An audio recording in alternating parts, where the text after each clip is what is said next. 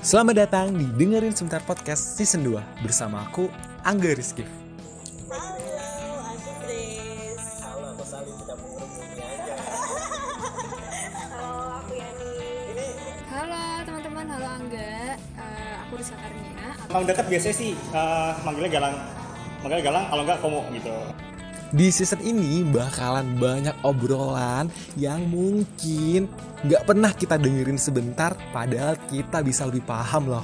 eh, kita ada progresnya ya yang penting walaupun kecil tapi ada progres nah itu Jadi memang, oh, jadi memang banyak yang berubah deh saat. Jangan lupa pantengin terus episode terbaru dari Dengerin Sebentar Podcast only on Spotify gratis. dengerin sebentar podcast eh, dengerin sebentar Ini juga paham. juga paham Halo, halo. Selamat datang di Dengerin Sebentar Podcast. Dengerin sebentar, nanti juga paham. Eh, sebelumnya aku mau ngucapin selamat menjalankan ibadah puasa buat teman-teman semua. Seneng banget di puasa tahun ini kita masih ketemu lagi di Dengerin Ramadan. Dengerin Ramadan itu adalah salah satu konten dari Dengerin Sebentar Podcast spesial Ramadan dan di tahun ini aku seneng banget karena di tahun ini kita masih ketemu di episode kali ini dan kita masih collab dengan narasumber yang sama seperti di tahun yang lalu. Tahun lalu mungkin kita udah ngomongin nih tentang uh, cerita awal muala puasa gitu. Mungkin udah ada uh, teman-teman dari Dengerin Sebentar Podcast yang udah tahu siapa lagi one and only cerita sejarah Islam. Halo halo Kak Nai dari dengerin eh Halo, dari cerita sejarah Islam. Halo halo. Gimana kabarnya Kak? Alhamdulillah baik. Makasih banget udah mengu- mengundang saya di sini gitu ya. Ini untuk kedua kalinya. Betul, kedua kalinya dengan topik yang mungkin di tahun lalu masih yang ringan, sekarang mungkin agak bagiku agak berat sedikit, tapi semoga teman-teman bisa tetap ngikuti nanti dari Kak Nai eh, nya gimana sih nih eh, tema kali ini kita gitu. Oke, nah mungkin nih sebelum kita bahas ke tema mungkin eh aku mau cerita sedikit mungkin dari di teman-teman ini di tahun ini mungkin kita banyak banyak banget perubahan yang udah kita lalui ya. Kita udah dua tahun pandemi gitu kan. Kita dan tentu dari puasa kita sendiri pasti banyak perubahan atau perubahan itu eh, biasa kita sebut berhijrah gitu kan. Dari yang tadinya mungkin di puasa tahun lalu kita nggak baik ada beberapa yang berubah juga. Tahun ini juga kita semoga lebih baik lagi. Nah di tahun ini di episode kali ini di dengerin Ramadan kali ini aku bakalan bahas mengenai tentang perubahan atau berpindah dari sesuatu yang buruk menjadi baik atau eh, lebih tepatnya berhijrah gitu. Tapi nih kalau aku jelasin tentang berhijrah itu apa sih? Berhijrah, berhijrah itu apa sih? Terus abis itu kayak eh, makna dari berhijrah itu sendiri mungkin aku masih minim ilmunya maka dari itu aku mengajak Kak Nay nih kita bareng-bareng ngomongin tentang hijrah itu sendiri gitu. Nah, mungkin dari aku sendiri kali ya nih mau dari awal eh, nanyain dari Kak Nay. Sebenarnya hijrah itu dari bahasa sama arti itu apa sih Kak Nay? Eh, nah sebenarnya di sini aku juga nggak sepro itu ya. Mungkin kita lebih ke sharing-sharing kali ya. Betul, Nah, betul. Kalau hijrah sendiri kan kita bisa mengartikan sebagai berpindah ya. Nah, masalahnya artinya apa? Apakah berpindahnya ke mana dan dari mana gitu? Hijrah ini bisa kita artikan sebagai berpindah dari eh, satu tempat ke tempat lainnya atau dalam satu kondisi ke, ke kondisi lainnya yang lebih baik gitu. Kalau eh, pindahnya sama aja ya nggak disebut berhijrah gitu ya. Atau malah kalau pindahnya malah ke tempat yang lebih eh, buruk gitu ya, yaitu nggak bisa dikatakan sebagai berhijrah juga gitu. Dan eh, karena kita bicara hijrah di sini maka eh, bisa dipastikan niatannya ya hanya untuk Allah gitu. Nah kalau Oh. dari Angga gimana nih Enggak? Udah udah Kalau- eh, ngerti berhijrah gitu. Kalau dari aku sendiri sebenarnya eh, tadi itu ya Kak, kalau secara aku tahu adalah hijrah itu lebih ke kita memutus hubungan nih yang tadinya nggak baik jadi kita berpindah ke lebih baik lagi kayak gitu. Mungkin di puasa tahun lalu nih aku ada beberapa kebiasaan yang menurut aku nggak bagus nggak buruk. Eh nggak bagus habis itu di tahun puasa tahun ini aku pengen berubah lebih baik lagi. Contohnya misalnya di tahun lalu eh apa namanya sholatku masih belum yang on time kayak gitu di tahun ini aku pengen berpindah lagi nih azan langsung sholat kayak gitu terus habis itu itu sih kalau dari aku sendiri apakah kalau benar nggak sih kayak gitu Iya, iya kan bisa aja kak. Kan Hmm. hijrah nggak cuma harus yang jomplang banget kan, misalkan dari nggak sholat menjadi sholat gitu. Bahkan Hmm. dengan eh, hal kita misalkan sholatnya eh, cuma wajib aja terus ganti ada sunahnya itu kan juga bisa dikatakan sebagai kita eh, berpindah dari kebiasaan mungkin ya bisa dikatakan Betul. gitu. Kalau dari dari aku sih hijrah tuh eh, lebih ke itu sih. Kalau dari Kane sendiri nih hijrah itu kan sebenarnya ada hijrah yang non fisik sama yang fisik gitu ya kak. Iya. Kalau se so tawan aku nih gitu ada yang tadi kalau misalnya non fisik mungkin kalau fisik lebih ke tadi sholatnya mungkin yang lebih tepat waktu kayak gitu. Nah kalau dari Kane sendiri gimana nih? Membedakan jenis hijrah ini sendiri kayak gitu? Eh, bisa dikatakan gitu ya kalau hijrah eh, fisik itu kan kelihatan ya. Eh, mungkin eh, fisiknya mungkin dari eh, Bandung ke Jakarta itu kan fisiknya beda ya. Atau dari fisik dari segi pakaian gitu. Misalkan Hmm. kalau cewek gitu ya dari misalkan yang terbuka menjadi yang lebih tertutup gitu kalau hijrah non fisik ya hijrah secara pemahaman atau pemikiran gitu. Tapi eh, di sini biasanya hijrah secara non fisik eh hijrah secara fisik itu didahului terlebih dahulu dengan hijrah secara non fisik gitu. Bahkan eh, Rasul dulu gitu ya di zaman eh, dulu di Mekah Rasul itu pertama kali mengajak hijrah itu hijrah ke non fisik dulu kan maksudnya bagaimana mungkin bisa eh, dilakukan perubahan dari satu tempat ke tempat lainnya kalau si pemahamannya itu belum dibenerin dulu gitu? Justru kalau dalam Islam pemahaman ini dulu lah yang sangat penting gitu kan? Ini kalau pemahaman ini kan kita sebutnya sebagai akidah ya. Kalau di Islam ada namanya akidah tuh akarnya. Terus ada yang namanya eh, syariat tuh hukum-hukumnya. Terus ada yang namanya eh, akhlak gitu nah kalau dalam segi eh, berlingkungan gitu ya berhubungan kan kita sangat eh, tertuju pada syariat dan pada eh, akhlak kan? Bener nggak? Kayak sholatnya gimana terus betul kelakuannya betul bagaimana gitu. betul Terus perlakuan gitu kadang kita uh, lupa untuk uh, masuk ke akarnya yang lebih dalam. Apa itu? Akhlak Hmm. akidahnya gitu. Yang mana Hmm. akidah ini uh, itu uh, berasal dari hijrah non uh, fisik tadi kan. Hijrah dari yang sebelumnya pengetahuannya nggak baik menjadi uh, akidahnya yang lebih baik lagi gitu.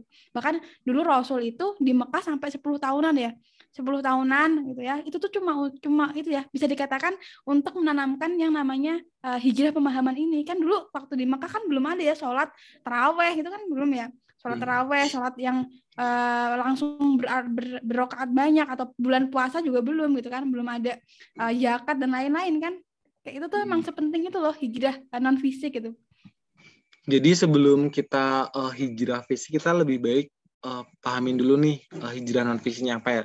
Iya, iya kan, betul kan? Terus salah satu contohnya tadi itu adalah kita pahami dulu nih eh, akidah mana yang benar, akhlak kita tuh diperbaiki dulu sebelum kita menuju ke hijrah non fisik itu tadi. Nah, tapi nih eh, mungkin banyak ter- termasuk aku juga nih masih yang salah paham tentang kayak eh, gimana sih cara aku ngubah akhlak aku yang tadinya baik yang tadinya buruk jadi baik kayak gitu.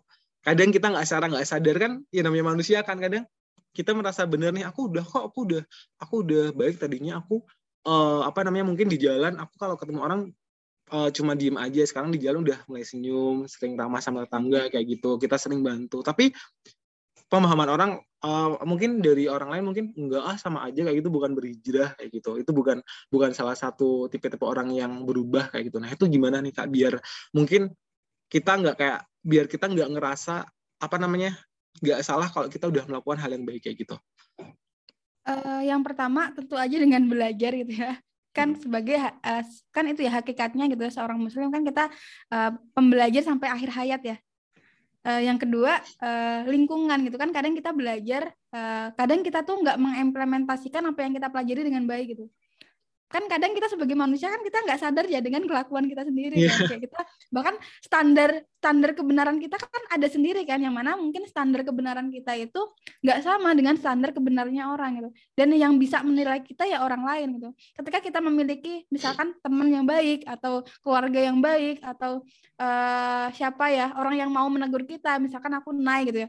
Eh, naik kok kamu nggak sholat itu kan orang ya yang bisa ya atau naik kok kelakuan kamu kayak begitu? Gitu. Nah dengan adanya uh, kita belajar kita tahu yang baik bagaimana dan adanya orang yang mau menegur kita gitu ya kayak itu tuh insya Allahnya uh, itu lebih sebagai uh, pemacu kita lah untuk uh, nggak nggak cuma menegur ya tapi orang juga yang mengarahkan kita dan memberi pemahaman kepada kita gitu Hmm.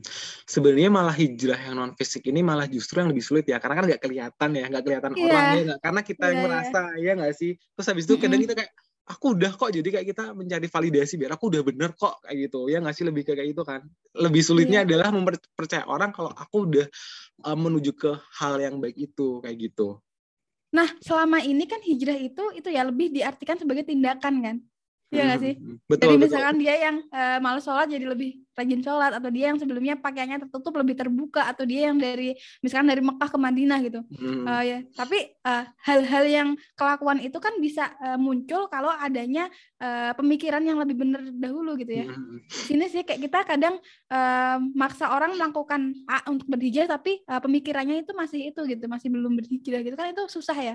Kadang kita Mhm. bilang eh, oh kamu eh, misalkan ada orang eh, belajar agama, oh kamu eh, kok nggak kerudungan dulu justru dia harus dibenerai dulu bagi pemikirannya baru dia eh, bisa memakai itu gitu Hmm. Nah, ini sih yang mungkin eh, bagi aku juga gitu bagi mungkin kita kan pergaulan kita juga beda, lingkungan kita juga beda gitu kayak Kak seperti yang tadi kamu bilang kayak gitu. Nah, kalau ini yang hijrah non fisik yang hijrah fisik itu kan berarti kelihatan kita ya badan kita kelihatan. Adalah contohnya tadi yang tadinya mungkin terbuka nggak pakai jilbab tiba-tiba pakai jilbab gitu kan. Terus habis itu mungkin yang cowok aku nih yang tadi- tadinya mungkin kalau keluar nongkrong keluar nongkrong pakai celana pendek atau enggak eh pakainya ya cowok kayak apa ya cowok tuh lebih gimana ya kalau pakainya? Mungkin nggak yang pakai kaos yang kelihatan ototnya atau gimana gitu. Kadang kan mungkin teman-teman kita ada beberapa yang masih belum tahu nih eh, kita lagi proses berhijrah itu sendiri. Terus tiba-tiba kita ikut mereka. Kok misalnya kok eh, cewek ya misalnya cewek wah kok kamu eh tumben banget nih pakai jilbab kayak gitu kan. Kok kamu tumben banget nih sekarang pakainya lebih tertutup? Tadinya kayaknya pakai rok terus habis itu eh, rambutnya cantik gitu gitu terus habis itu kan kadang kan kita yang lagi proses menuju baik itu lagi kita pengen menutup diri badan kita kan kadang ada aja orang yang nyinggung kita apa sih? Angga sosokan banget. Apa sih kamu jadi malu banget? Kayak gitu?" kan betul jadi malu kayak gitu. Nah itu adalah yang sulit. Kan yang barang kelihatan kan lebih kita jadi yang kayak pikiran kita tergoyahkan gitu kan. Aduh masa ya sih aku uh, tertutup gini jadi jelek sih? Terus uh, yang biasanya terbuka mungkin dipuji aku tertutup kayak gini malah dihujat kayak gitu. Nah gimana sih kak kayak uh, nanggapi hal-hal kayak gitu? Kayak misalnya yang tadi yang perubahan itu gitu loh Nah, sebenarnya ini itu sih ada hubungannya juga dengan eh, tadi ya dengan motivasi berhijrah ya. Bahwa Nah, kita kan sebagai seorang manusia di eh, dunia ini gitu ya. Kita sebagai seorang muslim kita sadar bahwa eh, kita itu hidup hidup nggak cuma hidup kan, kita punya Allah kan. Kita punya Allah dan suatu ketika seorang muslim pasti percaya bahwa kita akan meninggal dan dan, dan kelak ketika kita sudah meninggal kita pasti akan dimintai eh, tanggung jawab terhadap apa yang telah kita lakukan di dunia ini gitu. Nah, itu tuh eh, kesadaran mengenai kematian itu ya. Hmm. Paham nggak? Kan Hmm. ketika orang kan gitu ya kalau dalam Islam kan kita eh, sering ya dengar ingat mati, ingat mati gitu ya. Kenapa Hmm. searjen itu? Karena ingat mati itulah yang akhirnya membuat kita ingat bahwa tiap perbuatan kita tuh bakal ada pertanggungjawabannya ya. Termasuk perbuatan kelakuan kita di dunia ya, kayak kehidupan kita sehari-hari, entah kita memutuskan untuk membuka aurat atau menutup aurat, atau kalau kita memutuskan untuk sholat atau enggak sholat itu kan berimpactnya ntar ya setelah kita meninggal kan. betul betul betul Nah, itu sih kayaknya menurut aku eh, hal yang pertama tadi ya, kan hal-hal seperti ini kan kaitannya dengan akidah ya. Hmm. Yang tadi aku bilang di awal yang akalnya banget. Nah, makanya eh, sebenarnya itu penting banget untuk dikuatkan dulu tuh di akidahnya itu ya. Kayak soal kepercayaan kita terhadap kematian, kepercayaan kita terhadap surga, neraka, terhadap Allah, terhadap eh, tugas kita sebagai manusia gitu. Kita tugas kita sebagai manusia apa enggak? apa nih? Emang apa nih? Apa nih kak? Dari kak tugas kita sebagai manusia adalah belajar terus Apa? itu tadi kan? Sebagai hamba Allah, sebagai seorang muslim. gimana? Nah, aku agak aku agak ngelek nih. Aku pertanyaan kayaknya sebel. Aku cuma takut aduh aku takut saja salah jawab nih. Kalau dalam Al-Quran gitu ya Allah tuh Hmm. bilang gitu dan tidak ah aku ciptakan eh, jin dan manusia sebagai khalifah di muka bumi kan? Hmm. pernah denger nggak ayat itu pernah dengar tapi aku mungkin kurang memahaminya gitu pernah dengar pernah dengar Khalifah itu bisa diartikan sebagai eh, wakil Allah di bumi ya, sebagai pemimpin Hmm. gitu kan. Hmm. Entah memimpin diri kita, memimpin eh, lingkungan kita atau eh, hal-hal seperti itu. Pemim- Pemimpin ini seperti apa? Kan tugas kita juga untuk beribadah kan. Jadi kekhalifahan ini, tugas kepemimpinan ini ada, ada kaitannya juga dengan tugas beribadah gitu. Ketika tugas kita di dunia itu adalah eh, soal memimpin tadi kan itu nggak nggak hanya berkaitan dengan eh, sholat doang, ngaji doang ya. Bahkan Hmm. gimana caranya kita kerja atau Hmm. kita ngobrol nih aku sama Angga Hmm, hmm, atau aku makan itu jadi sebuah eh, ibadah juga gitu ya. Itu kan kalau kita eh, pikirkan lagi kan itu hal yang kayaknya eh, Sepele susah ya. gitu ya, ya. betul betul betul betul betul. Tadi eh, karena juga di awal bilang kalau eh, hijrah ini juga ada hubungannya dengan eh, Rasulullah gitu ya. Ya nggak sih kak? Heeh. Di awal gitu kan. Aku juga aku juga pernah dengar juga nih eh, baca-baca sekilas gitu kalau hijrah dalam makna syari itu art- artinya adalah pindahnya Rasulullah Shallallahu Alaihi Wasallam dan para sahabat eh, muslimnya dari kota Mekah ke Madinah gitu. Itu adalah salah satu hijrah fisik ya berarti ya kak Iya kan itu Iya, jatuhnya hijrah fisik ya pindahnya dari eh, apa namanya satu kota ke kota lainnya dengan tujuan mungkin menambah ilmu atau menyebarkan agama atau enggak kalau kita nih kalau kita salah satunya adalah mungkin kalau kita pindah keluar kota adalah mungkin kita kuliah atau enggak kita di sana bekerja atau enggak kita menikah terus kita di sana lebih baik lagi gitu. Nah dari Kayaknya sendiri nih eh, tentang eh, peristiwa ini nih dari pindahnya Muslim eh, Nabi Muhammad gitu dan sahabatnya dari kota Mekah ke Madinah gitu ada cerita apa sih sebenarnya di balik eh, itu gitu? Dari dari Mekah ke Madinah apa sih ada ada makna sendiri yang bisa kita ambil atau ada peristiwa besar di situ? Kenapa mereka akhirnya pindah dari Mekah ke Madinah? Ada apakah ada tujuan-tujuan tertentu yang ingin mereka capai atau enggak ada sesuatu di aduh ya udah deh gue pindah aja ke sana gitu gitu misalnya atau peristiwa-peristiwa apa yang akhirnya melandasi itu kita bisa pindah kayak gitu. Itu kan juga bisa jadi contoh kita yang mungkin ada ada hal ada hal pesan-pesan sendiri yang mungkin masih relevan sampai saat ini kayak gitu dari pindahnya Rasulullah dari Mekah ke Madinah kayak gitu. Eh, kalau kita ulik lagi sejarahnya gitu ya, Hmm. kan Rasul itu berjuangnya kan dari Mekah ya, dari Mhm. dakwah se- secara sembunyi-sembunyi sampai secara Hmm. terang-terangan. gitu. Nah, eh, sebenarnya ketika Rasul itu memulai eh, dakwah eh, secara terang-terangan sekitar tahun ketiga, persekusinya tuh secara terang-terangan juga gak gitu. Bahkan eh, ada gitu ya pengikut Rasul itu satu keluarga bayangkan Angga ada satu keluarga ada emak ada bapak gitu Angga Hmm. itu disiksa gak disiksa eh, di peme gitu ya kan Angga sebagai budak gitu ya misalkan zaman itu Mhm. Angga itu melihat eh, ayah dan ibu Angga tuh dibunuh di depan mata eh, Angga sendiri gitu Mhm. bayangkan nggak itu itu terjadi pada keluarga ya itu Yasir gitu ya Amar bin Yasir lah yang mengalami itu. Bahkan ibunya gitu ya ubah ibunya Yasir Sumaya seorang wanita itu disiksa dengan cara eh, memasukkan eh, tombak dari eh, maaf ya dari eh, mungkin ke- kemaluan sampai tembus ke eh, atas gitu. Itu penyiksaan sampai kayak gitu loh di zaman itu. Bayangkan kan itu kasus satu orang gitu ya sampai Hmm. seperti itu gitu ya. Belum Mhm. ada orang yang matanya sampai buta, ada yang tangannya eh, putus gitu ya, ada yang hilatnya sampai nggak bisa bicara lagi, bahkan saking eh, parahnya penyiksaan di masa itu, bahkan ada yang sampai dia itu eh, gila, jadi gila karena udah nggak nggak sanggup lah menahan eh, menahan itu ya, menahan siksaan pada zaman Siksaan. itu gitu. Padahal kalau kita eh, simak lagi tadi ya, bahwa Rasul itu mendakwahkan waktu awal kan lebih ke tauhid ya, eh, lebih ke maaf, maaf lebih ke akidah kan, maksudnya Hmm. belum ada eh, yakat, belum ada ekonomi, Hmm. politik dan lain-lain di saat itu kan. Mhm. Maksudnya eh, kalau kita simak lagi, kenapa sih mereka tuh bisa bertahan sampai kayak gitu ya tadi Da, yang aku bilang soal akidah tadi ya kepercayaan terhadap Allah, kematian, surga dan neraka gitu. Bayangkan ada orang yang sampai rela meninggal di zaman itu hanya untuk menolak eh, menyebut Tuhan lain. Kalau di saat itu kan Tuhannya Lata dan Uja ya di Mekah ya. Ya, Mhm. mereka menolak untuk mempersekutukan Allah lah.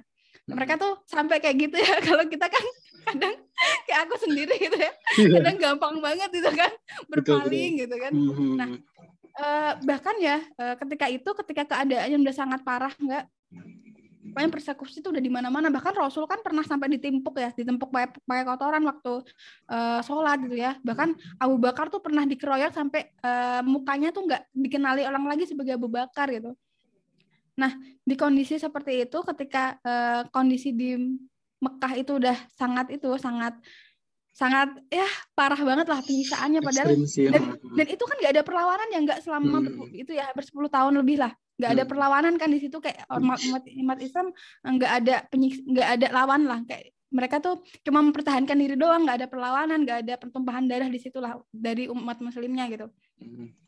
Di saat itu eh, Nabi Muhammad itu berhasil untuk mendakwai orang-orang eh, sebagian besar orang di Madinah gitu ya. Akhirnya ya setelah itu dibuatlah perjanjian dengan para pemimpin-pemimpin Madinah bahwa mereka sepakat untuk mengangkat Rasul sebagai pemimpin mereka gitu ya tentu aja di Madinah saat itu nggak hanya umat Isla- Islam kan ada eh, Yahudi ada Nasrani ada Majusi dan lain-lain kan tapi mayoritasnya udah eh, Muslim saat itu gitu akhirnya berpindahlah eh, Rasul ke sana gitu dan itu kan dan Rasul pun hijrahnya di saat itu bisa dikatakan eh, terakhir-terakhir kan Eh, Hmm. beliau mengutamakan Hmm. sahabat-sahabatnya dulu lah kayak Hmm. kayak me, me- itu ya mengkoordinir lah dari Hmm. Mekah ya untuk Hmm. Madinah gitu bayangin em, misalnya ya Angga bayangkan eh, Angga sekarang tinggalnya di mana Aku di Jawa Tengah.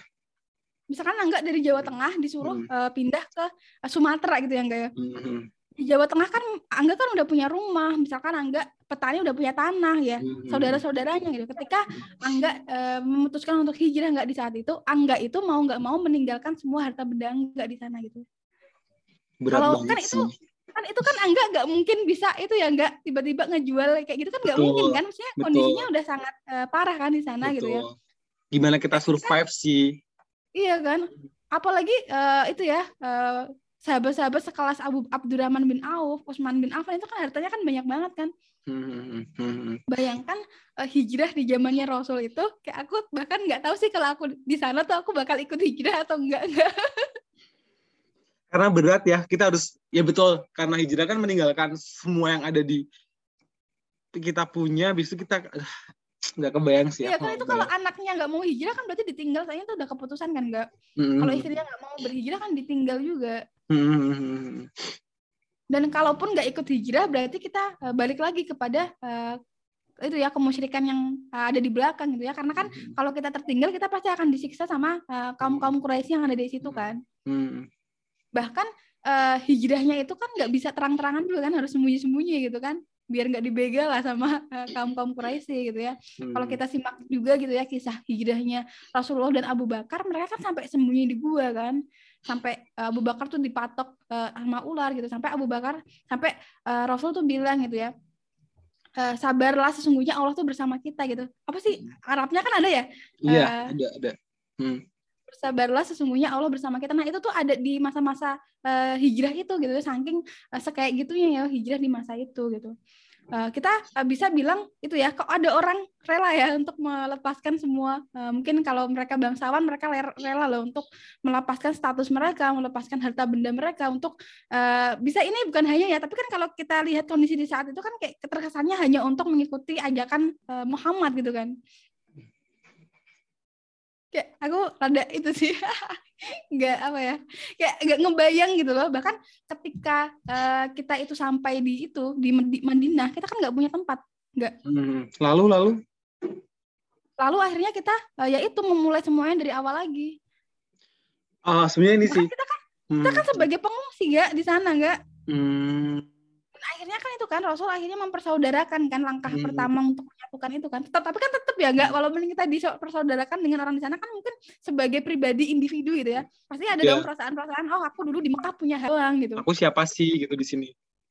Hmm. Betul betul betul betul betul. dan justru Pad- di sana juga padahal hijrahnya lebih ekstrim dari kita karena kan itu lebih ke apa namanya di sana mempertaruhkan nyawa kita gitu kan ya nggak sih baik dari sisi akidah ataupun nyawanya kita sendiri gitu kan Ya bener banget.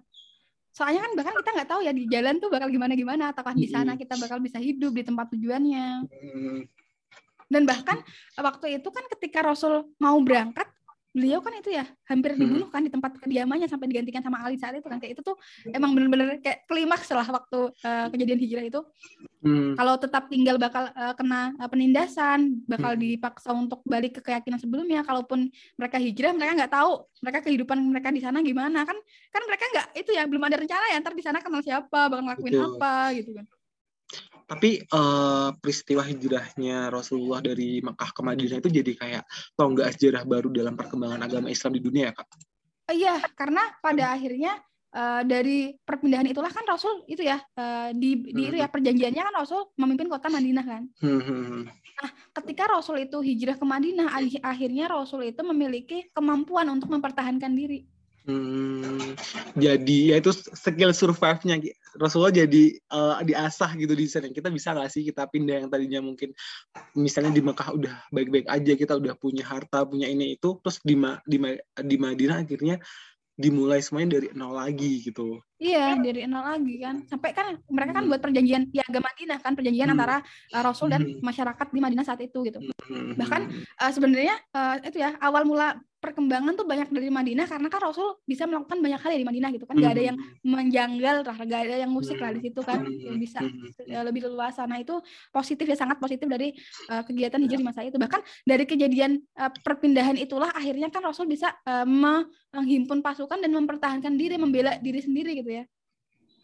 Kan kalau sebelumnya kan sampai bahkan sampai disiksa sampai dibunuh kan. Dan Iya. dan nggak bisa melakukan perlawanan sebesar itu kan. Kayak itu masih uh, masih itu ya apa ya masih defense lah masih memperjuangkan uh, diri dulu lah ya belum bisa untuk uh, melawan gitu. Rasulullah waktu di waktu pindah ke Madinah ada kayak terbesit aku kayak terbesit mungkin gitu ya.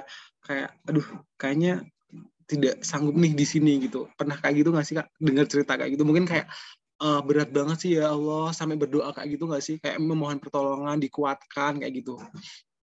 Kalau Rasul kan itu kan itu ya sekelas Rasul ya. Mungkin kalau Rasul eh, itu kok beberapa kali curhat gitu ya pada Mhm. Allah ya Allah eh, Mhm. ini berat tapi Rasul kan dia nggak pesimis ya. Maksudnya eh, mungkin keimanan Rasul mah jauh di atas kita gitu ya. Mhm. Rasul kan sangat meyakini ya bahwa suatu Mhm. ketika bakal meninggal dan tadi ya Mhm. yang aku bilang bahwa tujuan utama manusia hidup sebagai seorang Mhm. muslim ya yaitu untuk sebagai khalifah di muka bumi yang dan untuk beribadah gitu. Maka tujuan utama Rasul ya itu ya menurut perintahnya Allah gitu Hmm. itu kan akidah banget kan itu akidahnya udah sangat kuat gitu ya ketika akidahnya kuat maka aksi-aksi setelahnya entah itu syariat dan ahlaknya juga bakal menguat juga gitu kayak beda gitu loh kalau kita simak kisah-kisah sahabat zaman dahulu kisah-kisahnya dengan kita sekarang kan uh, beda banget karakternya Hmm, gitu ya hmm, hmm. dalam segi akidahnya dulu gitu Hmm. makanya itu tadi aku tekankan lagi gitu ya sepenting Akidah banget itu kita ya. untuk uh, lebih dahulu Hmm. menguatkan soal akidah itu soal kepercayaan kita bahwa apa sih tujuan kita hidup apa uh, Allah tuh siapa sih gitu ya apa sih uh, hak Allah terhadap kita apa sih Hmm. uh, hak kita terhadap Allah gitu ya. Bagaimana sih nanti Hmm. kematian tuh nanti kita di surga dan di neraka tuh dapat bakal dapat pembalasan seperti apa? Itu tuh hal yang sangat penting gitu ya. Kadang kita kan menyepelekan informasi seperti itu ya. betul Bahkan justru itu tuh Betul. penguat gitu ya. Itu tuh pengunci lah, penguat dan penenggak perjalanan kita ke depannya. Ngomong eh, ngomong ini kayak sebenarnya banyak banget ya eh, mungkin dari kita sendiri baik aku karena gitu misalnya kita berhijrah. Karena kan berhijrah itu tadi yang eh, kita meninggalkan keburukan atau kondisi yang mungkin bertentangan dengan Al-Quran atau hadis gitu ya kak ya. Jadi kita lebih baik dari kondisi kita sebelumnya gitu. Nah ini mungkin buat aku buat eh, buat aku sendiri nih buat teman-teman pendengar kayak banyak banget mungkin hal-hal yang kayak hal-hal sepele tadi kayak takut digunjingin orang lain terus abis itu mungkin bertentangan sama kondisi lingkungannya dalam diri dia, diri dia sendiri kayak nggak yakin kayak gitu. Padahal kan banyak banget hikmah yang akan kita dapetin gitu ya. Kalau kita uh, berhijrah itu sendiri ya nggak sih kak? Karena sendiri nih mungkin uh, apa aja sih yang mungkin bakal kita dapat? Kalau hikmah apa aja yang bakal kita dapat kalau kita berhijrah? Apalagi kita sudah tadi dengar ya kisah Rasul dia berpindah dari uh, Mekah ke Madinah di sana uh, Rasulullah jadi uh, tahu hal-hal yang mungkin dia sebelumnya nggak yakin habis itu dia jadi survive di sana gitu lah. Kita sebagai manusia biasa gitu kan sebagai manusia yang pengen banget berhijrah apalagi di bulan Ramadan kali ini. Mungkin beberapa kebiasaan-kebiasaan buruk yang uh, dulu kita apalagi di Ramadan ini ya kayak jadi momentum yang pas nih buat teman-teman untuk kita sedikit perlahan pelan-pelan asal ya pelan-pelan kita ngubah kebiasaan-kebiasaan buruk kita ke hal-hal yang lebih baik lagi gitu apa aja sih mungkin hikmah-hikmahnya atau enggak uh, Allah Subhanahu Wa Taala itu ngasih kita dijanjikan gitu dalam suatu ayat atau di Al-Quran gitu kalau kita berpindah dari hal-hal buruk ke hal yang baik gitu. Eh, hikmah ya. Jadi kalau kita Mhm. telisik lagi ke kisahnya Rasul gitu ya. Mhm. eh, sebenarnya eh, hijrah itu kan nggak cuma dari kisahnya Rasulullah aja ya, Nabi Muhammad ya. Bahkan dari Nabi Ibrahim juga berhijrah kan dari eh, Babilonia ke Syam terus ke eh, ke ke Palestina gitu ya bahkan Nabi Musa dari ya juga kan gitu ya dari Mesir berhijrah gitu ya nah Mhm. sebenarnya kalau kita simak gitu ya eh, dari kisah-kisah orang yang berhijrah gitu ya mereka eh, ketika mereka bisa tetap teguh dalam memperjuangkan hijrahnya itu dan tetap itu ya tetap konsisten gitu ya yang pertama tentu aja mereka dapat ridhonya Allah gitu kan Mhm. kalau itu yang Allah paling dan ridho apa sih sih. yang nggak yang nggak kita dapat kan Betul, betul.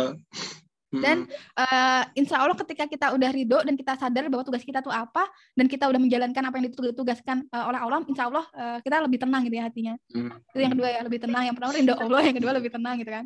Nah hmm. yang ketiga kayak kisahnya Rasul tadi gitu ya bahwa uh, mungkin kalau Rasul ketika dia berhijrah kan Nah, itu ya mereka lebih digdaya kan bahkan hmm. perkembangan Rasul kan perkembangan Islam kan akhirnya dimulai dari Madinah kan hmm dari Madinah terlahir uh, sumber daya sumber daya yang hebat ya. Terlahir uh, ekonomi yang sangat baik ter, ter, terlahir politik yang sangat baik terlahir sistem pendidikan yang baik itu kan karena uh, mereka berada di tempat yang tepat kan. Jadi itu kan Madinah di, diasosiasikan sebagai tempat yang tepat kan. Nah misalnya ketika kita sebagai uh, sehari-hari ketika kita ber, misalkan berhijrah entah itu fisik atau non fisik ya ketika kita berada di di tempat yang lebih tepat dan kita bisa uh, me, mem, memanfaatkan hal itu gitu ya potensi-potensinya insya Allah uh, banyak hal lah yang bisa kita uh, kembangkan lah dalam uh, diri kita pribadi ya tentunya. Hmm. Misalkan nah. ketika kita hijrah pemikiran ya pemikiran kan hmm. kita sebagai seorang muslim ketika kita pemikiran kita baik kan kita sadar kalau kita tuh seorang pembelajar ya Hmm. Mungkin ketika kita sadar bahwa kita punya tujuan hidup sebagai uh, tadi khalifah di muka bumi ya sebagai seorang pemimpin ya kita hmm. akan terus uh, menaikkan kompetensi kita dan akhirnya kita juga jadi uh, pribadi-pribadi yang uh, pintar gitu ya kayak yang, yang outstanding lah dalam hal dunia kan dulu uh, itu ya kalau dalam masa kejayaan Islam kan banyak banget kan ilmuwan-ilmuwan yang mereka itu terinspirasi bahkan dari ayat-ayat Quran kan kayak gitu kamu itu gak sih? Uh, penasaran gak sih kenapa sih dulu tuh uh, sahabat-sahabat tuh bisa jadi orang yang sekeren itu gitu ya? Kenapa sekarang tuh kayak Islam tuh malah uh, dicitrakan uh, dengan orang-orang yang bodoh yang yang, nah, yang kayak gitu gitulah ini sih menyambung ini sih yang aku aku ini jadi sempat kepikiran pertanyaan ini sih. Jadi kayak kadang tuh kita mungkin berhijrah niatnya bukan karena mendapat berkah dari Allah apalagi dapat ridho Allah subhanahu wa taala itu tadi. Itu kadang kayak kita malah itu malah hal yang kesekian. Aku berhijrah aku pengen dapat ridhonya Allah. Aku cuma pengen dapat pahala dari Allah. Aku pengen dapat kebaikan-kebaikan yang didapatkan dari Allah. Kadang mungkin aku pun nih aku pengen ah berhijrah. Kadang demi aku pengen merubah penampilanku. Aku pengen merubah sifatku. Bukan karena Allah tapi kadang kadang malah karena dunia. Karena karena kadang karena manusianya. Kadang misalnya ah aku misalnya nih aku pengen ah eh, sekarang pakai baju-baju yang mungkin dulu aku pakai celana pendek sekarang aku pakai celana panjang. Demi mungkin jodohku biar jodohku yang syari demi aku memperbaiki perkataanku biar aku dapat teman-teman yang perkataannya juga bagus. Itu kan malah demi dunia ya iya nggak sih kak? Ah kalau enggak sih kalau untuk dapat jodoh yang lebih syari teman-teman yang baik itu hmm. ada kaitannya sih akhirnya sama uh, lingkungan kita kan maksudnya itu hmm. bisa dikatakan adalah tapi walaupun secara nggak langsung untuk akhirat tapi kan itu masih merujuk kepada hal yang baik gitu loh hmm. kadang kalau tuh gini, tadi ya kalau untuk jodoh hmm. yang baik atau untuk perkataan yang temennya baik kan itu masih itu ya masih dalam lingkup sesuatu yang baik lah Hmm, berarti itu bukan dunia ya. Kadang tuh gini kak, kadang tuh itu tadi sih tadi yang kayak kepikiran, oh ya aku kadang hijrah bukan karena mendapat ridho malah karena manusianya. Kadang kan aku pengen, mungkin aku pengen, ah kalau aku uh, misalnya aku pakai jilbab nih misalnya nanti aku bisa dapat uh, apa namanya posisi yang lebih bagus lagi di kantor misalnya aku dapat dipuji-puji orang kayak gitu itu kan oh, lebih iya, iya. itu sih kak lebih kayak gitu mungkin jadi kayak mm-hmm. niatnya kita bukan kebaikan kita ah aku pengen dipuji ah aku lebih cakep kalau kayak gini ah aku lebih kayaknya aku kalau pakai uh, kayak gini bakalan dipuji-puji atau enggak aku naik uh, pakai ini atasanku bakalan muji-muji atau enggak jabatanku lebih tinggi atau hal-hal yang bersifatnya intinya duniawi kayak gitu. Kadang gimana sih nih cara dalam hati kita biar hijrah kita itu semata-mata ya lillahi ta'ala nggak dapat pujian orang lain atau enggak ya pokoknya hal-hal yang bersifat duniawi kayak gitulah dari kak juga ya, ya. dari kak Nai sendiri gimana sih kalau dari orang kan akhirnya kita itu ya uh, dapat goncangan dikit betul jadi malu jadi eh, betul uh, down gitu ya nah betul uh, kita kan itu ya harus menyadari bahwa uh, hmm. kita itu hidup tuh selalu punya musuh. Siapa coba musuh kita? Setan dong. Iya. Kan hmm. waktu dulu kalau kita balik lagi ke cerita ceritanya Nabi Adam gitu ya. Hmm. Kalau di podcast cerita sejarah Islam. Boleh nanti didengerin nih. kan itu ya uh, waktu itu ketika Allah itu melaknat setan dan uh, akan me mengancam akan menempatkan mereka di neraka gitu kan setan udah berjanji ya bahwa uh, setan itu minta nundaan waktu dan berjanji akan uh, menyesatkan anak Adam dari depan belakang kiri kanan atas bawah gitu bayangkan teman-teman gitu dan bahkan uh, setan itu uh, juga kayak manusia gitu ya ada pembinaan ada uh, level-levelnya gitu ya uh, ketika kita memutuskan untuk berhijrah dan kita uh, menuju ke hal yang level yang lebih tinggi gitu ya, maka setan yang akan mengikuti kita juga levelnya akan naik teman-teman gitu. Hmm. Kayak kita, oh, uh, betul betul betul betul. Hmm. Jadi kayak sadar kita tuh sih, betul, betul, setan betul. ini kan setan ini kan itu ya nggak cuma jin kan, maksudnya setan kan dalam bentuk jin dan manusia kan. Iya. Misal ketika kita cuma eh, berharap berubah cuma untuk dilihat manusia sebagai orang baik, eh, bisa aja eh, lingkungan kita kan nggak berubah ya. Misalnya kita cuma Hmm. mengubah, misalkan kita cuma mengubah diri kita doang tanpa kita berubah lingkungan gitu. Bisa aja bahkan teman-teman kita di lingkungan yang dulu itu bisa jadi gitu ya. Itu setannya se- dalam bentuk manusia gitu ya. Kayak kita misalkan mau belajar buat kuliah atau mau kajian malah diajak nobar gitu ya, di, diajak eh, game sampai pagi itu kan berarti ada itu ya, ada hal yang masih uh, perlu diperbaiki lagi kan dalam lingkungannya juga gitu.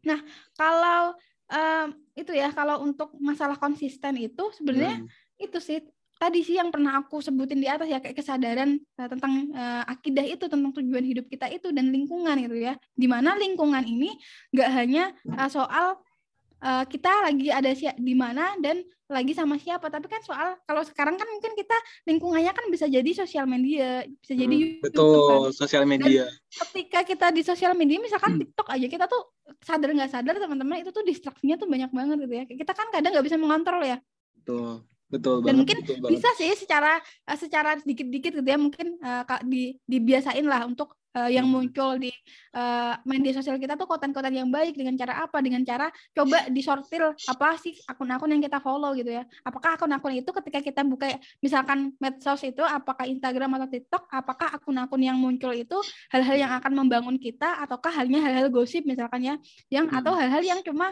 lucu-lucuan juga lucu-lucuan doang tapi nggak memberikan efek apa-apa gitu. Kan lucu boleh tapi kalau semuanya lucu kan berarti kita membuang-buang waktu kan? Betul, betul, betul, betul, betul, sama betul, kayak kita buka YouTube juga kita mau nonton apa gitu ya. Kalau kita men-set agar lingkungan YouTube kita yang berada di homepage kita adalah hal yang baik maka eh, kemungkinan besar kita akan menonton hal-hal yang baik juga. Jadi lebih ngefilter gimana caranya ya kak, biar uh, Iya, hal yang masuk ke, ke kita dari tuh, lingkungan itu sih. Hmm, kalau selama ini ya kalau dari pengalaman aku eh, sebenarnya aku tuh eh, terbantunya tuh bahkan sama lingkungan dulu gitu ya hmm, Kayak lingkungan aku teman-teman aku ngajak Hmm. aku eh, belajar gitu ya ayo kita kajian naik akhirnya karena aku kan hahihi ya aku Hmm. eh, karena aku dulu gitu ya kayak aku Hmm. suka ditraktir kan kalau aku ikut eh, kajian kan ada ada makanannya tuh kayak aku tuh eh, apa ya kayak eh, visi aku tuh ya udah ntar ntar dapat makan gitu. Tapi ketika itu dapat makan tapi ketika aku mau datang kan sadar nggak sadar mau nggak mau kan pasti ada hal-hal yang masuk di kepala aku kan. Dan Betul, karena betul, temen betul, aku ke sana dan aku pengen punya temen mau nggak mau aku ikut ke sana juga gitu. Pada akhirnya walaupun awalnya aku cuma ikut-ikutan ketika itu ketika aku lama-lama dapat siraman-siraman juga akhirnya aku eh, gerak juga secara pribadi juga gitu. Nah itu eh, itu lingkungan sih. Makanya kita jangan sampai menyepelekan lingkungan teman-teman. Bahkan ada orang yang eh, udah bagus tapi ketika dia eh, ke lingkungan yang eh, rada-rada menyimpang jadi ikutan menyimpang gitu ya. Hmm. kayak tadi ya bahwa setan itu naik level tuh levelnya makin tinggi gitu ini. ya. Dan cara-cara setan kan banyak ya. Kayak misalkan setan tuh nggak nggak langsung nyuruh kita misalkan oh kamu uh, berbuat yang musyrik atau oh kamu uh, minum komer atau oh kamu babi kan nggak kayak gitu ya. Kan setan kan dikit-dikit ya.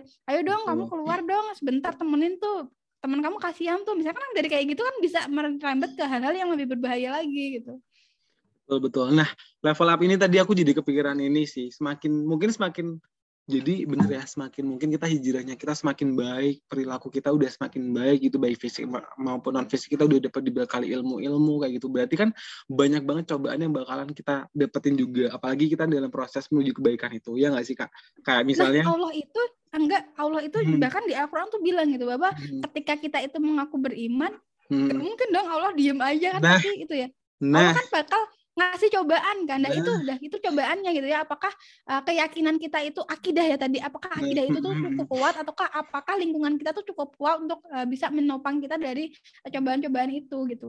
Nah, gimana sih Kak biar kita tetap badai walaupun badai menerpa gitu kan istilahnya kita ibaratnya pohon semakin pohon berdiri kan semakin banyak banget yang bakalan berusaha ngerobohin pohon. Nah, kita sebagai manusia yang kadang biar apa ya, biar level keimanan kita tuh semakin hari semakin naik bukan yang naik turun naik turun apalagi merosot udah tinggi. Kan kadang ya namanya manusia apalagi aku nih gitu apalagi proses menuju kebaikan itu kadang Iya, ada di satu hari semangat banget beli semangat. Besoknya aduh malas apaan sih apa sih gunanya aku kayak gini kayak gini? Terus besok lagi semangat lagi. Goyah terus semakin kayak aduh apa sih mana sih ujungnya ini kapan sih bener-bener yang aku bisa tetap naik bisa tetap apalagi bertahap yang paling susah adalah itu sih konsisten itu tadi gitu. Ada nggak sih kayak misalnya dari Kane sendiri tips biar sedikit-sedikit nggak apa-apa pelan-pelan gitu kan? Karena tak yang tadi disampaikan tadi kan semakin kita uh, hidup ya pasti bakal banyak cobaan yang diterpa sama kita. Nah gimana sebagai manusia ini kita biar bisa tetap bertahan bisa kita tetap berdiri kayak gitu tetap kokoh nih tujuan kita apa sih gitu Nah, tadi ya pakai analogi pohon itu kan semakin Mm. dia tinggi semakin Mm. banyak anginnya gitu. Nah, kita Hmm, analogikan sebuah pohon. Pohon Mm. yang tinggi nggak yang dia bisa tinggi banget berarti kan dia hmm, pertama dia akarnya harus kuat dulu kan Mm. nggak? Akarnya udah kuat banget. Jadi kalau dia diterpa angin tuh dia nggak terbang gitu. Nah, setelah itu eh, batangnya kokoh kan nggak? hmm, hmm, Batangnya kokoh jadi kalau keterpa angin tuh nggak patah kan? hmm. Daun dan buahnya juga itu kan yang bermanfaat dan kalau kalau bisa mah bagus ya biar kalau Hmm. ketirpa angin tuh nggak nggak pada copot-copot gitu. Nah ini eh, ada hubungannya juga sih nggak dari eh, yang udah aku sebutin tadi ya tiga Hmm. gitu ya akidah syariat dan eh, akhlak gitu ya. Akidah dulu nggak ini tuh penting banget tapi kita sering lupa gitu ya dengan akidah ini gitu ya. Akidah tadi ya kayak hal-hal yang kita anggap sepele lah kayak kita tuh hidup tuh bakal eh, kayak apa sih kita tuh tujuannya diciptakan tuh apa sih? Kita tuh dari mana sih yang jam nyiptaan kita tuh siapa sih? Ntar kalau kita udah meninggal tuh kita bakal ke mana? Itu tuh tiga hal itu tuh sangat penting nggak gue kita dari mana kita harus ngapain kita bakal ke mana itu tuh hal akidah banget tuh. Akidah banget tuh enggak itu eh, kan kadang orang tuh sampai gede tuh masih menghal- menggalaukan hal-hal itu kan. Hmm. ujungnya Nah, ke mana mau itu ke mana? kan udah bagus nggak Hmm. Ketika hal itu udah bagus maka eh, apa yang kita lakukan ketika kita udah percaya ya bahwa misalkan oh Tuhan kita ya eh, Allah gitu ketika kita percaya bahwa kita adalah hambanya Allah Hmm. kita percaya bahwa Allah yang menciptakan kita kita percaya bahwa Allah adalah zat yang paling tahu mengenai baik dan buruk untuk diri kita gitu kan maka eh, hal yang paling ngerti apa yang baik dan buruk kan Allah. Maka eh, kita Hmm. sebagai muslim ya kita percaya aja sama Allah gitu ya. Akhirnya kita eh, melaksanakan syariat-syariat yang Allah eh, tetapkan itu. Karena kita percaya bahwa Allah yang nyiptain kita dan eh, Allah yang paling tahu. Allah Allah yang paling tahu buku panduan terbaik untuk kita gitu.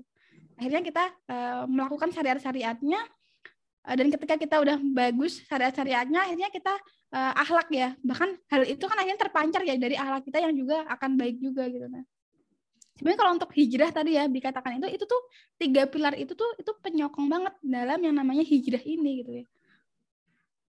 Menarik banget sih ini Bayangkan aku aku nih jadi tertampar gini loh kak. Aku jadi kamu ngomong akidah akhlak gitu kayak oh iya ya aku selama ini sepertinya eh, hal yang sepele sepele kayak gitu masih belum aku pikirin. Aku malah jauh mikir yang yang eh, apa yang bakalan aku dapat dibandingkan nih aku eh, sumbernya ini dari mana gitu ini menarik banget sih betul betul betul bahkan ya kalau dalam eh, Islam kan itu ya kalau kita udah yakin bahwa eh, kita itu ini kan dari keyakinan itu kalau dalam Islam kan bahkan eh, bahkan kita senyum aja kan ada ada itunya juga ya ada eh, pahalanya kan ketika Mm-mm. kita akidahnya itu udah kuat maka kita eh, yakin nggak apa yang kita lakukan tuh bakal eh, ada eh, buahnya kalau nggak di dunia ya Hmm. pasti di akhirat kan surga kan Hmm.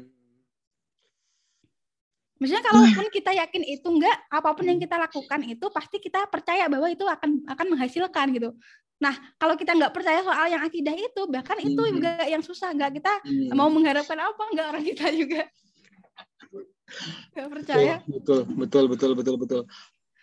Oke, mungkin nih kak, eh, menarik banget ya kita eh, di awal tadi sudah eh, aku tanya juga mengenai peristiwa di balik hijrahnya Rasul kayak gitu kan. Jadi kita tahu dulu eh, apa yang mungkin cobaan-cobaan yang menerpa kita itu nggak ad- eh, masih belum ada apa-apanya sama yang Rasul dulu dulu waktu mereka hijrah. Mereka disiksa lahir batin gitu istilahnya. Kita mereka harus meninggalkan meninggalkan hal-hal yang hal-hal yang mungkin bagi mereka sangat-sangat berharga.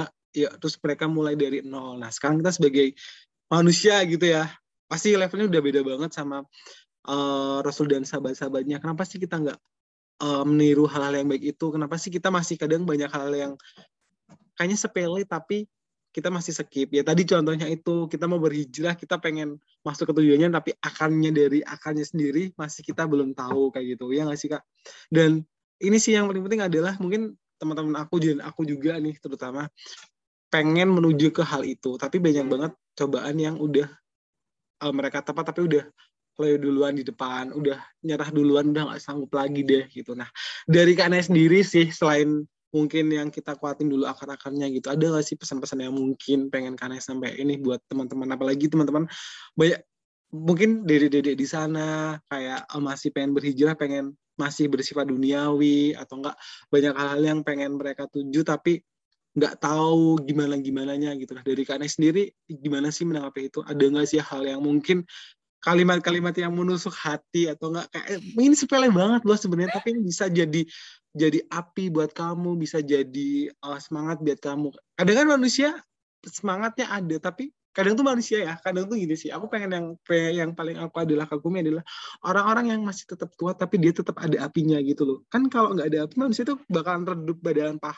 apa bakalan padam gitu. Nah, gimana sih biar api di dalam tubuh kita itu tetap nyala, biar kita hijrahnya tuh hijrah yang bukan uh, apa namanya kaleng-kaleng gitu loh. Kita benar-benar kita sudah dapetin nih apa namanya uh, hal yang pengen kita dapetin besok gitu. Gimana nih dari Kak Nay sendiri?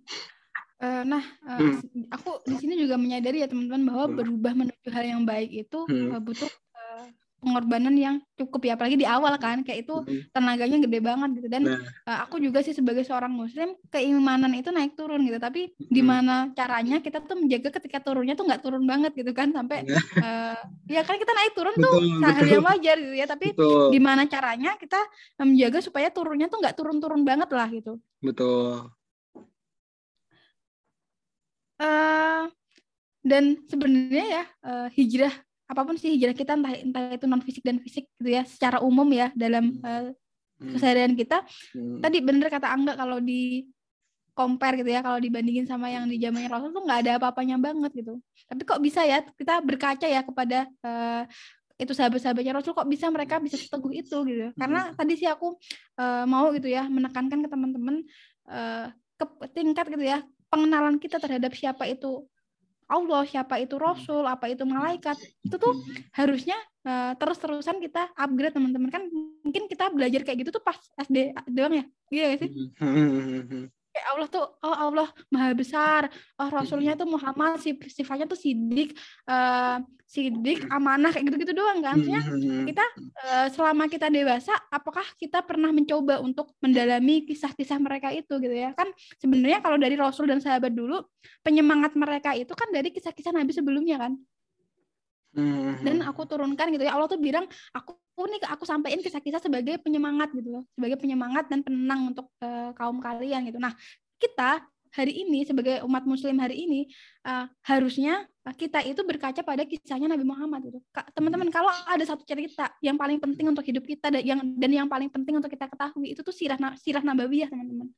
Sirah nabawiyah kisah perjalanan Nabi Muhammad itu Nah, kita tuh harusnya belajar ya dari sana gitu ya. Kalau insya Allah ya kalau kita belajar, kalau kita benar-benar menyelami, menyelami bagaimana sih kehidupan Rasul dulu ya dalam uh, membangun uh, Islam gitu ya sampai berdiri tegak pada hari ini gitu ya. Berdirilah sampai hari ini. Hmm. Itu tuh perjuangannya seperti apa gitu ya.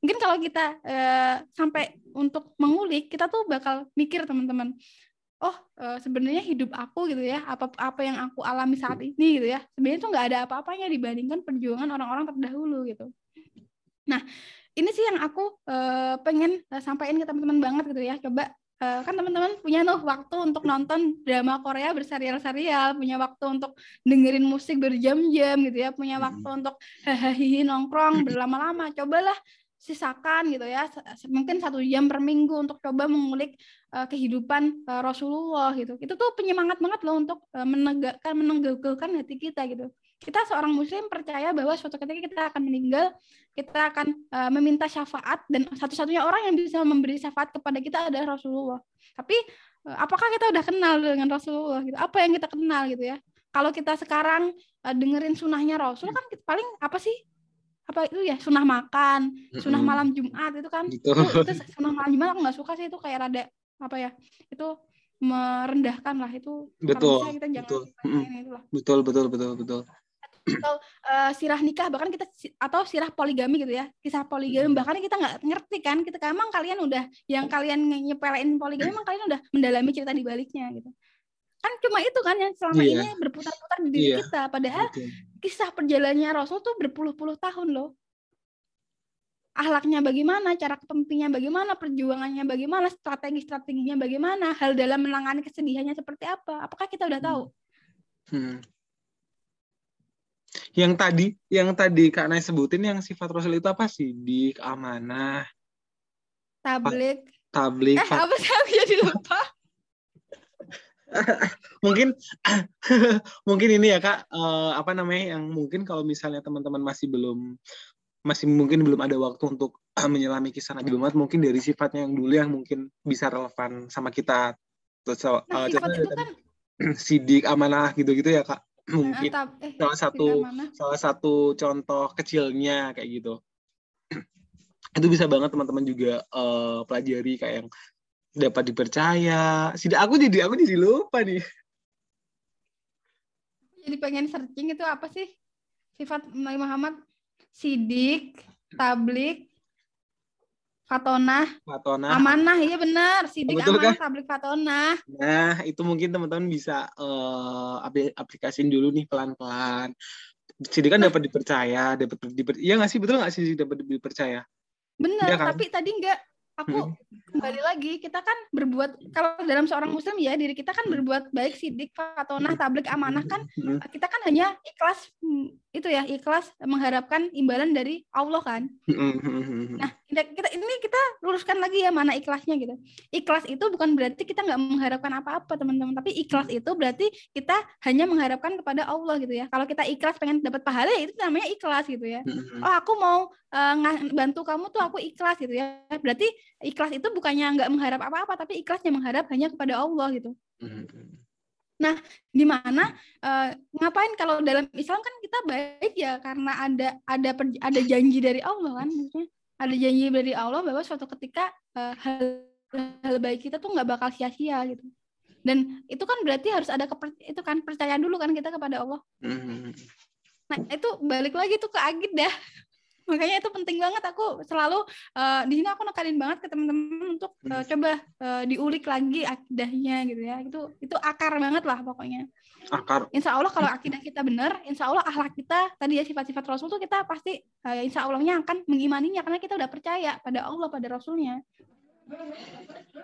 Amin amin. Aduh aku jadi eh, karena ini sebelumnya thank you banget ya kayak banyak eh, mungkin mungkin bagi karena mungkin eh, obrolan-obrolan ini masih belum ada apa-apa. Tapi bagi aku nih ya, aku jadi kayak ada beberapa pesan-pesan atau kalimat dari karena yang nampar aku nih gitu kayak aku ternyata masih belum nerapin hal ini. Ternyata aku akarnya aku sudah mikir ibaratnya aku udah mikirin buahnya gimana nih padahal akarnya itu masih belum nancep ke tanahnya gitu. Istilahnya kayak gitu kan masih masih belum kokoh masih belum dikuatin gitu masih belum disiramin. Aku udah aku udah mikirin buahnya tuh bakalan oh bagus banget nih kayak gini. Itu semoga teman-teman juga merasakan hal yang sama yang tadi kayak eh, karena jelasin gitu kan banyak hal yang mungkin eh, apa sepele tapi ternyata impactnya besar ya tadi kuatin kuatin lagi nih aki akidahnya biar kita akarnya nanti Sebenarnya kan buah itu kan visi ya, itu kan melihat ke depan ya enggak ya. Hmm, betul Nah, sebenarnya itu nggak apa-apa banget sih kita eh, lihat gitu ya, kita inginkan tapi tetap jangan lupa dengan eh, tadi ya langkah-langkah awalnya tadi gitu ya. Kita Betul. masa kita mau lihat ke visi tapi kita nggak mau ngejalanin apa yang perlu kita lakukan untuk ke sananya gitu.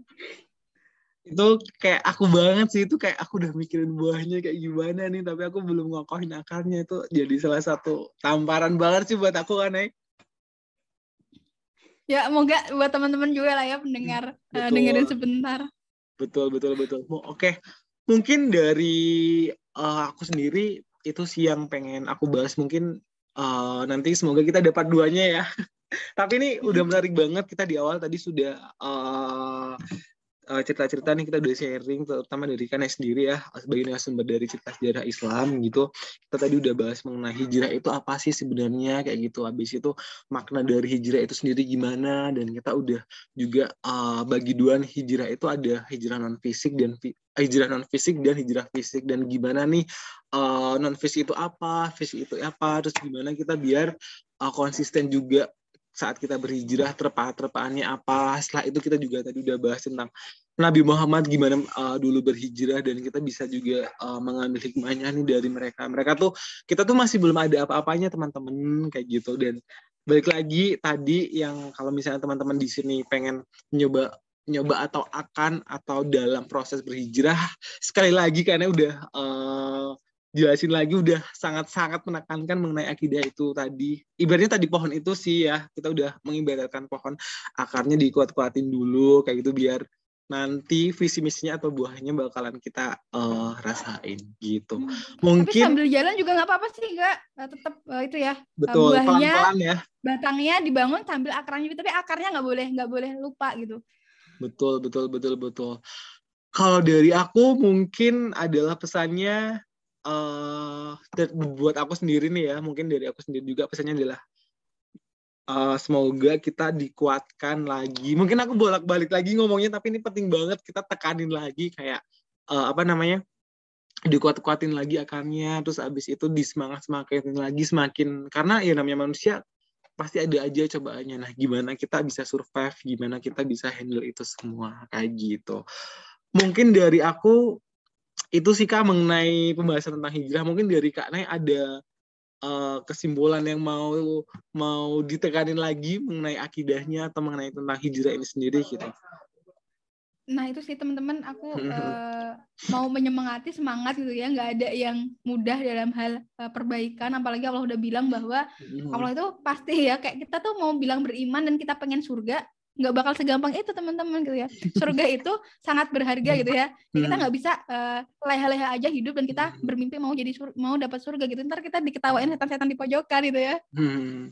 Ta- Eh tapi ini yang ini yang paling penting sih kak mungkin di akhir mungkin eh, hijrah itu menurut kak Mai gitu sendiri itu adalah sebuah kewajiban atau mungkin nanti akan ada ancaman-ancaman nggak sih kalau kita tidak segera atau kita nggak mau melakukan hal-hal menuju proses kebaikan itu gitu. Ada nggak sih kak yang tertulis kalau mungkin kayak kalau kamu nggak berhijrah nanti kamu dapat hukuman ini gitu. Atau enggak eh, hal-hal yang mungkin bakalan nggak baik deh buat kamu kalau kamu nggak segera melakukan proses berhijrah itu sendiri. Karena kan penting banget ya sekarang zaman modern zaman banyak hal yang kita terpa malah kita nggak menuju kebaikan malah kita semakin menjauhi hijrah itu sendiri gitu. Ada nggak sih ancaman-ancaman dari Allah Subhanahu Wa Taala atau hal-hal yang mungkin buruk akan kita dapetin kalau kita nggak menyege- menyegerakan berhijrah atau kita eh, menyegerakan untuk pindah nih atau kita move on nih ke hal-hal yang tadinya buruk menuju hal baik?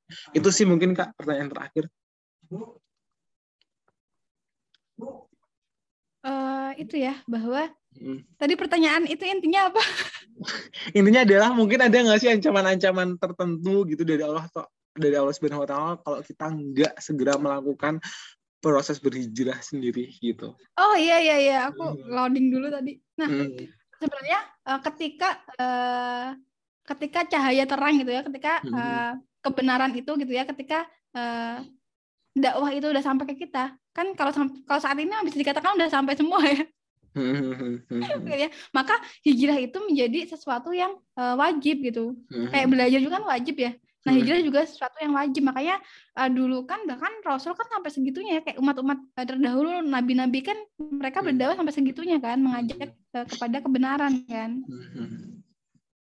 Maka eh, bahkan ya eh, dulu kan itu ya. Untuk ketika Rasul itu berhijrah ketika eh, ketika eh, perintahnya itu udah ada dan ada bahkan orang-orang yang dia itu mampu gitu ya yang bisa secara fisik ke untuk ke sana mereka tuh diwajibkan untuk berpindah gitu Jadi sifatnya wajib ya kak ya. Jadi ini teman-teman yang misalnya pengen menuju pengen maksudnya masih goyah imannya atau masih bimbang gitu hijrah itu sebenarnya wajib ya teman-teman ya. Berarti kita nah itu dilihat dulu dalam kondisi ke mana dari mana Hmm, oke oke oke oke. kalau kalau yang tadi dalam kisah-kisahnya kan dalam kondisi uh, dari mungkin kegelapan menuju cahaya yang terang ya Hmm, dari kekufuran hmm, gitu ya hmm, menuju hmm. uh, iman dan Islam gitu tapi Mhm. mungkin kalau sekarang ya kalau kita ya tetap harus diperjuangkan dong misalkan Hmm. kita belum bisa sholat ya kita hijrahnya supaya bisa sholat kan itu hal yang wajib gitu ya dari hal-hal yang kecil dulu ya kak ya intinya ya bahkan hal-hal yang ketika kita kecil. udah ketika kita udah bener gitu ya kita udah Hmm. me- merasa melakukan hal yang baik mungkin hijrah kita ya dari yang kita hanya memikirkan diri sendiri mencoba untuk Hmm. lebih memikirkan ke orang lebih banyak lagi gitu ya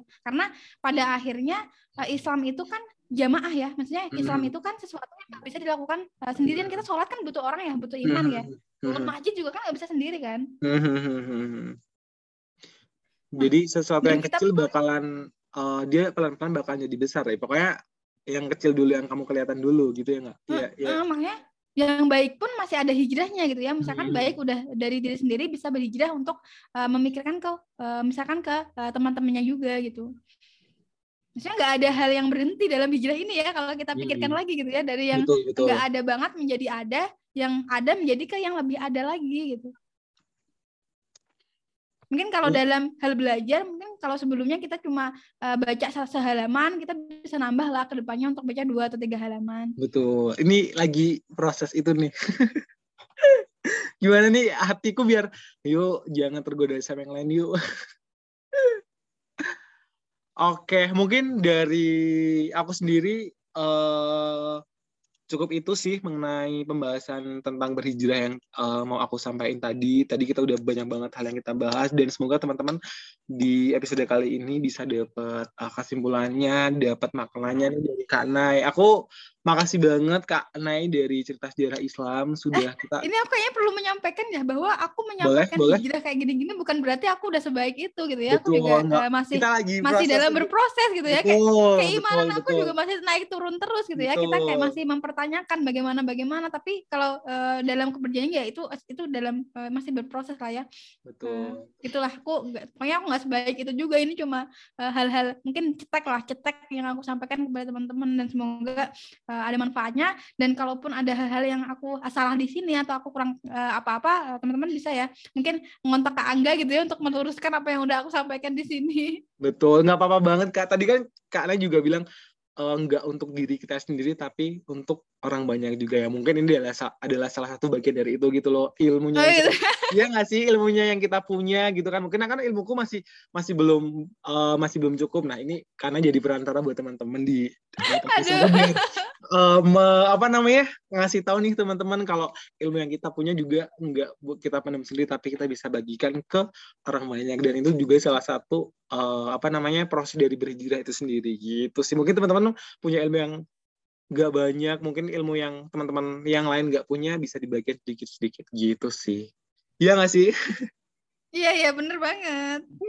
oke mungkin dari aku cukup sekian karena dari karena mungkin ada yang mau ditambahin atau mungkin ada eh, sedikit-sedikit promosi dari cerita sejarah Islam gitu. Ini sebenarnya yang numpang sih aku sini pansos banget nih ke cerita sejarah Islam yang enggak enggak enggak. udah masuk Ini aku jarang loh diundang orang loh enggak. di top Aku jarang nih diundang orang. Tapi Nah, oh, Pokok- tapi ini Pokoknya ya kalau buat teman-teman yang Hmm. semangat aja gitu ya. Hmm. eh, kita percaya bahwa Allah itu nggak nggak bakal eh, jolim ke kita ke apa pun yang kita korbankan. Kayak kita pasti akan mendapatkan hasil dari apa yang kita upayakan gitu ya. Kalau nggak di dunia, pasti pasti bakal di akhirat gitu. Dan di akhirat itu teman-teman Allah punya yang namanya bijian gitu ya, timbangan amal gitu ya. Hmm. Allah tuh sebenarnya bisa loh teman-teman kayak langsung melihat men-screening gitu. Oh, kamu di surga, kamu di neraka kan itu hal yang sangat gampang kan untuk Allah yang Hmm. Maha Kuasa gitu. Tapi betul. Allah eh, menunjukkan keadilannya dengan Allah tuh nyediain timbangan itu. Kalau ntar suatu ketika timbangannya ada apa-apa kan kita bisa protes ke Allah kan gitu. Ya, ya Allah aku tuh udah hijrah aku udah malu-malu tuh ya Allah udah aku udah paksain untuk berbuat baik kok nggak ada amalnya gitu. Nah itu kita bisa ya, mempertanyakan itu di akhirat nanti teman kita bisa kita bisa kok nanti eh, me- minta eh, apa apa-apa yang telah kita upayakan di dunia ini gitu. Jadi pokoknya Allah tuh punya mijan dan Allah tuh bakal eh, akan menghitung semua yang telah kita lakukan gitu. Dan bahkan Allah tuh bilang gitu ya pada pengikut Rasul-Rasul eh, kalau kita baca ya sejarahnya makanya baca dong sejarahnya. Gitu. Di cerita sejarah Islam nanti eh, di, di kupis di kulas banyak ya kak misalnya masih belum dapat eh, referensi aku dapat ilmu eh, mengenai tentang nabi-nabi itu di mana sih di cerita sejarah Islam dong Oh ya tentunya. sejarah Islam. Bahkan Allah tuh bilang ya teman-teman bahwa Allah tuh Hmm. akan mengampuni dosa-dosa orang-orang yang diridhoinya gitu ya. Walaupun dosa kita segede gunung gitu ya, kalau Allah udah rindu sama kita mah ya gampang lah masuk surga dari pintu mana aja gitu. Nah, Betul, di sini betul. Aku sebagai produser dan scriptwriter dari podcast cerita sejarah Islam uh, ngucapin makasih banget buat Angga yang udah mau ngundang aku di sini, oh my god. dan teman-teman yang udah ngedengerin sampai di sini gitu ya. Uh, Hmm. Di sini aku ngebangun podcast cerita sejarah Islam di mana aku mencoba untuk mengulik suatu kisah Nabi dengan dengan gaya yang lebih terkini lah dan pendalaman materi yang lebih dalam lagi gitu ya. Aku mencoba untuk se uh, me- uh, mengambil lah nilai-nilai yang bisa kita sebanyak-banyaknya nilai yang bisa kita uh, simak dari kisah nabi-nabi dan kita juga mengundang narasumber-narasumber untuk uh, menyampaikan materi-materi yang masih berkaitan lah dengan cerita gitu. Oke, teman-teman bisa banget cek nanti di Spotify sama di Noise. Oh, peringkatnya iya, iya, lebih iya. tinggi daripada dengerin sebentar podcast. Jadi teman-teman semoga bisa uh, dapat ilmu juga di sana gitu. Nanti jangan lupa di follow cerita sejarah Islam. Dan teman-teman ini adalah episode kedua kita yang collab sama cerita sejarah Islam. Nanti yang episode pertamanya bisa dengar di bawah-bawah podcast ini judulnya tentang cerita awal mula puasa. Di situ nanti karena juga uh, cerita nih tentang puasa itu gimana, godaan di puasa itu kayak gimana, cerita awal mula puasa tuh dulu gimana, Nabi saat melakukan puasa tuh cobaannya apa aja bisa juga didengerin di cerita awal mula puasa didengerin sebentar podcast gitu. Mungkin dari aku. nggak apa-apa mungkin dari aku cukup eh, di sini episode kita kali ini di episode 23 dari Dengar Sembilan Podcast. Semoga teman-teman tadi aku di awal lupa mau ngasih pesan tapi lupa. Semoga teman-teman di puasa tahun ini kita dapat banyak keberkahan, dapat hal-hal yang mungkin nggak kita dapetin di puasa tahun lalu, kita dapat eh, kebaikan lagi di puasa tahun ini gitu. Itu dari aku. Nah, di Dengar Sembilan Podcast nih, biasanya kan dengerin sebentar podcast kan tagline dengerin sebentar nanti juga paham. Nah nih karena di kalau di di episode kali ini kan spesial Ramadan, spesial dengerin Ramadan nanti kalau aku bilang dengerin dengerin sebentar podcast, dengerin Ramadan nanti karena yang bilang nanti dapat kebaikan gitu ya. Siap. Oke, dari aku mungkin eh, cukup sekian. Dari karena ada lagi mungkin tipsnya nih. Uh, cukup sih, semoga Cukup. semangat aja deh pokoknya gitu. Allah pasti bakal itu kok bakal ngitung semua hal yang udah kita korbanin gitu. Amin. Semangat berhijrahnya teman-teman. Jangan lupa dicatat yang tadi karena sampaikan sama aku sampaikan apa sih eh, banyak banyak dikitnya semoga menjadi bermanfaat buat kalian. Oke, dari aku cukup sekian. Makasih banget udah dengerin podcast kali ini. Dengerin sebentar podcast, dengerin Ramadan. Pasti dapat kebaikan. Oke. Itu? Oke, terima kasih. Iya iya. Makasih banget pokoknya lah teman-teman semangat. Semangat. Bye bye. Semangat Ramadannya.